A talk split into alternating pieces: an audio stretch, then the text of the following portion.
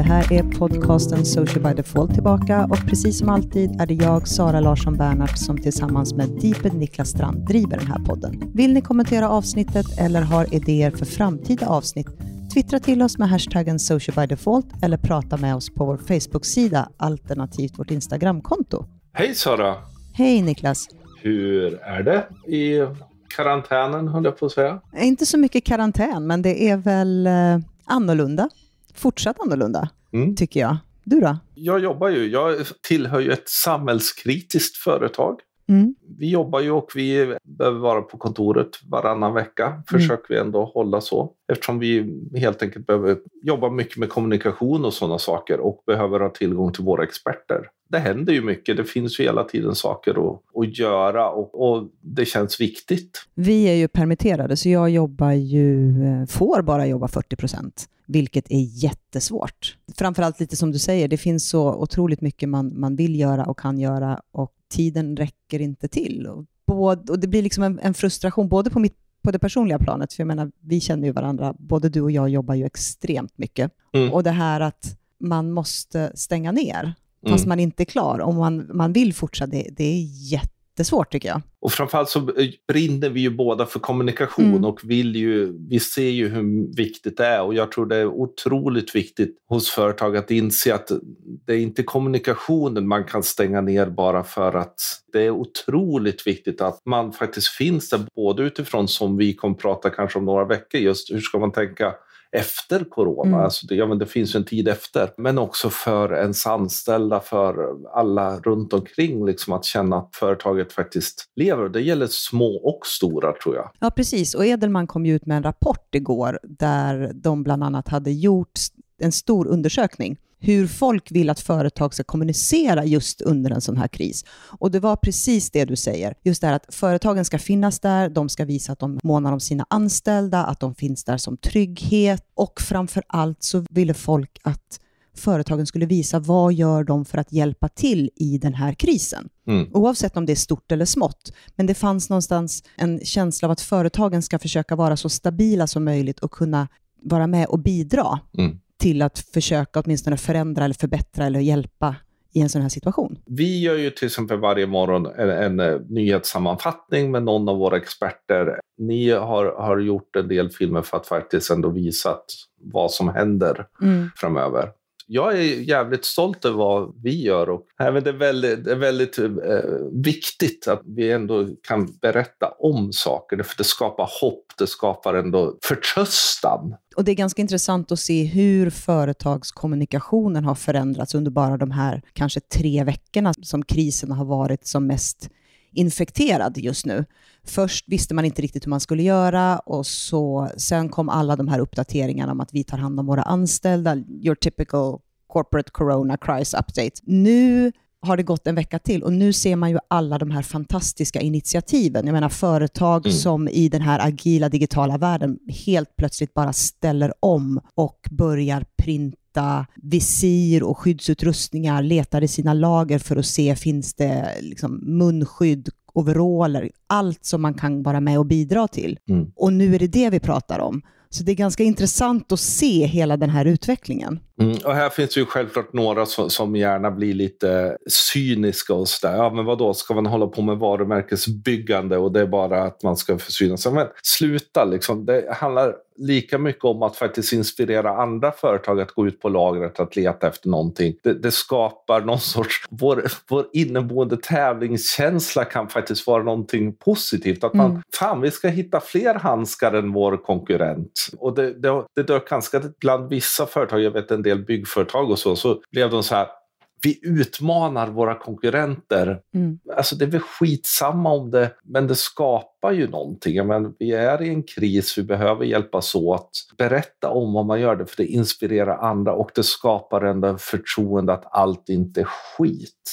Och en stolthet hos de anställda. Jag menar, att vara anställd på ett företag som oavsett, lite som jag sa, stort eller smått, gör någonting för att hjälpa i den här krisen, gör ju att man blir superstolt. Mm. Nu kanske jag framförallt funderar på liksom de större företagen, Volvo, SKF, GM, Schaeffler. Det finns ju enorma potentialer i de här stora företagen, men även de här små företagen som kanske ligger mycket mer risigt till, mm. som nu har liksom fått förändra sina affärsmodeller och blivit mycket mer kreativa för att ha mm. en chans att överleva. De som är mest utsatta just nu är destination och hotell restaurang, också handel självklart. Men där handlar det någonstans om att de som kommer överleva är de som vågar pivotera lite sina affärsmodeller. Att fundera, okej, okay, folk kommer inte till mig, kan vi köra ut grejer till mm. dem? För vi vill fortfarande antagligen göra massa saker hemma, vi vill laga bra mat, vi har inte gett upp som människor. Och då att faktiskt kunna se till, ja men vi fixar en enkel utkörning, vi, vi ser till att flytta över till takeaway. Mm. Det är ju de som kommer ha chans att överleva medan de som bara sätter sig och väntar på statliga bidrag, de kommer dö. Så mm. är det. Alla de små som ändå kommer på smarta saker, se till att jobba med sociala medier, se till att köpa ads.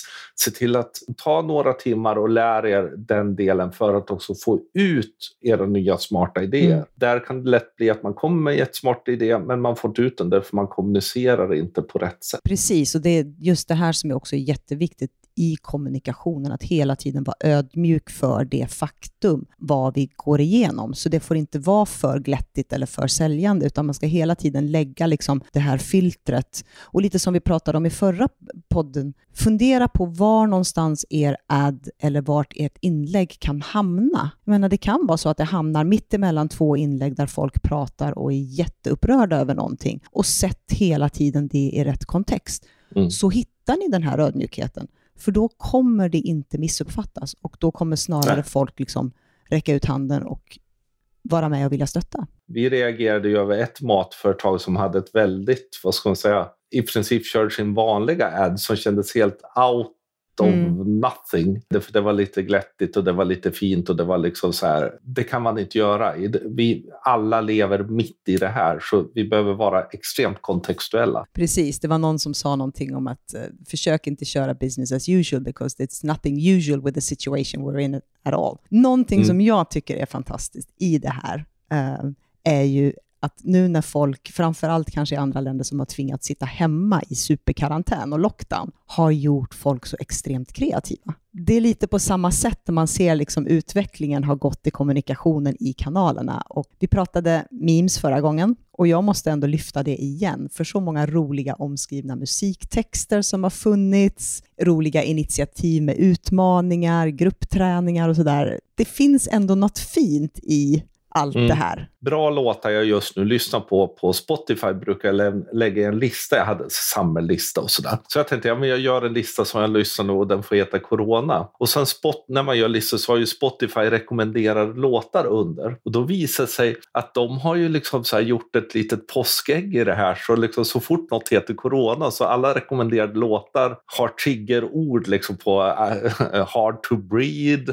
liksom så här, every breath you take. Det, det, alltså, det blev liksom roligt, lite mörk, mörk humor liksom många gånger. Liksom, I will survive och liksom toilet paper och liksom all, alla de ord som finns i corona har de satt som triggerord. Och det var ju otroligt roligt. Och jag menar, när vi säger ödmjuk, vara allvarliga för företag, det är jätteviktigt. Men vi måste också ibland kunna skratta. Mm. Skämt om corona är svårt, men man ändå får hitta mänskligheten i det och även kunna skratta ibland så tror jag att även som företag så kan man ibland ändå känna att Mm. Det var ju, på tal om att skämta om corona, så var det ju en influencer, tror jag, i Kina, jag vet inte hundra, som hade under, eh, för några dagar sedan skämtat om att han hade blivit smittad och sen gick ut då ett antal timmar senare och sa att det bara var skoj och riskerar nu upp till fem års fängelse. Så man ska nog vara lite försiktig. Nu har ju inte vi de här hårda reglerna i Sverige. En sak som dyker upp nu självklart som jag sitter mycket i, du, sitter, du har alltid suttit i det mycket, men, men jag sitter väldigt mycket mer i det är ju alla de här digitala mötena och, och liksom alla möten är digitala. Mycket förra veckans stora diskussion på LinkedIn var nog digitala möten. Mm. Och där händer det ju massor med saker. Alla har ju tryckt gasen i botten. Mm. Det är ganska fascinerande hur vi har pratat om digitala möten ganska länge, men det är först när man tvingas till det, där företagen faktiskt ställer om. Och jag tror ju att när vi tittar tillbaka på det här så kommer 2020 vara vändpunkten för väldigt många företag och även konferenser och utbildningar där man helt enkelt inser att det, det digitala funkar minst lika bra och kanske både mer tidseffektivt och kostnadseffektivt än de analoga mötena. Mm. Det här är en påtvingad brytpunkt, men det kommer bli ett nytt nytt efter det här som hela den här krisen och pandemin har uh, resulterat i. Ja, men digitala möten ställer ju andra krav på oss som deltagare. Mm. Det måste man kanske inse. Dels mycket högre fokus, men också att man, man behöver tänka att precis som när vi skriver på internet så är det någonstans, det jag tänker säga nu, skulle jag säga det om jag satt i samma rum som dem, skulle jag säga det på det här sättet. Så här, vi är alla trötta, vi är alla liksom stressade och så sitter man bakom sin skärm så säger man bara vad man tycker utan att kanske tänka ibland på människors känslor. även i ett möte. Och det här kan... Självklart kommer det finnas en startsträcka och en utbildningssträcka. Alla måste hitta mute-knappen, alla måste förstå liksom, de här etikettsreglerna som finns i digitala möten. Men det är fascinerande att se vilken otrolig uppsving det har blivit. Jag menar, tittar man på videokonferensappar som satte all time record i, i mars under en vecka. Den fick 62 miljoner nedladdningar. Jag menar, det har vi aldrig sett tidigare. Nej. Facebook Portal som hade en ganska tuff startsträcka är nu helt slutsålt. Mm. Menar, det här är ju bara en början utav det här. För jag menar, för, för att citera statsministern, vi ska inte prata veckor, vi behöver prata månader. Mm. Då behöver vi se till att vi har på företagen, men även som individer, möjlighet att kunna mötas digitalt. Och Facebook har ju kommit med två intressanta saker. Dels gruppvideosamtal till, som kommer till Messenger mm. och dels då att Messenger kommer också som en app för MacOS Desktop. Ja. Vi kommer antagligen se väldigt många som trycker fram utvecklingen på sådana här saker kommande veckor. Och det behövs ju därför, för sociala medier också, en av de stora händelserna fram på sommaren, det är ju Almedalen. Ja, precis. Framförallt för oss svenskar. Den har ställts in nu. Ja. Eh, det fysiska Almedalen har ställts in, vilket självklart är en stort avbräck för Gotland. Visby och mm. Gotland. Men också kommer förändra väldigt mycket av sommarens politiska samtal. Vet vi om Almedalen kommer bli digital eller funderar de på det? Jag har inte hört så mycket om det faktiskt. Det får man väl se, det, men det finns ju samtidigt också en, en fara i att man bara säger ja, men då skiter vi i allting. Liksom det, det, för det finns ett värde av Almedalen. Jag tror, jag tror de som har varit där ser ett värde utöver att det är trevligt och där man kan fundera, ska vi, var har vi de här mötena framöver? Mm. För det sker ändå möten över partigränser. Det sker möten mellan politiker och näringsliv, mellan näringsliv och offentlig sektor som inte sker någon annanstans. Så, så där, jag hoppas att det blir ett digitalt Almedalen. Jag tycker att personligen, jag har aldrig varit där, jag tycker att det skulle vara synd för svensk politik och för svensk näringsliv om man valde att digitalisera Almedalen från, från och med nu. Jag hoppas att Almedalen blir lite som Almedalen alltid har varit nästa år. Men jag, jag tror att det kommer kanske inte bli så bombastiskt som det har varit de senaste åren jag tror att det går igenom ett stålbad nu och kanske blir mer fokuserat på lite som det var förr. En av delarna varför jag hoppas att det blir en Almedalen är ett digitalt Almedalen är att just då nästa gång när förhoppningsvis det blir ett fysiskt Almedalen igen, att man mm. har lärt sig någonting av det digitala Almedalen, att göra bättre sändningar, att göra högre interaktionsnivåer när det gäller de sändningar man gör från olika event, att, att tänka om eventen, mm. att det kanske inte bara måste vara föreläsning eller eh, panel, utan kan man göra crossover-händelser, workshops, whatever. Det tror jag att många kan tänka in. Förra året så spelade ju vi in ett avsnitt av podden just om Almedalen som vi faktiskt aldrig släppte. Där vi diskuterade att Almedalen på Twitter, när Twitter var som starkast, gjorde att man som åskådare på hemmaplan kunde få ta del i ganska mycket av de dialoger och diskussion just eftersom Twitter var så dialoginriktat. Men när Instagram och Instastory kom så var det svårare att ta del av samtalen, utan man fick snarare ta del av allting runt omkring. Och mm. jag bland annat upplevde ett helt annat Almedalen än vad jag hade gjort, för jag har alltid sett det från hemmaplan via sociala kanaler. Och saknade lite Twitter då, för det blev inte så mycket innehåll som var av värde att diskutera. För det är mycket svårare att diskutera via Instagram. Och jag hoppas ju att vi kan hitta tillbaks till det just i och med att man tvingas tänka nytt, som du säger, inför nästa år och mm. kanske då kan nyttja det man har lärt sig i det, hela den här digitaliseringsprocessen av digitala möten, mm. konferenser, fram till 2021. En annan sak som blir intressant att se nu framåt nästa vecka när vi går in mot påsk, är ju hur kommer folk, och framförallt kanske kyrkan, göra med sina digitala möten, eftersom påskhelgen är en av de absolut största möteshelger för kristna. Och nu får mm. vi inte träffas mer än 50 personer. Eftersom jag då har ett förflutet i kyrkan, mm. så, som för detta präst, eh, så följer jag en del av de diskussionerna och det, det både ibland lite deprimerande och eh, ändå att det, det, finns diskussioner och eh, väldigt snabb utveckling av hur håller vi gudstjänster nu när vi faktiskt inte bör eh, så säga sitta så så nära varandra. Jag tänker drive-in gudstjänst och så får det gå omkring en kvinna som är lite grann som, kvinna eller man, eh, som är lite grann som flårtanten med nattvaden med små plastmuggar. Just det, särkalk.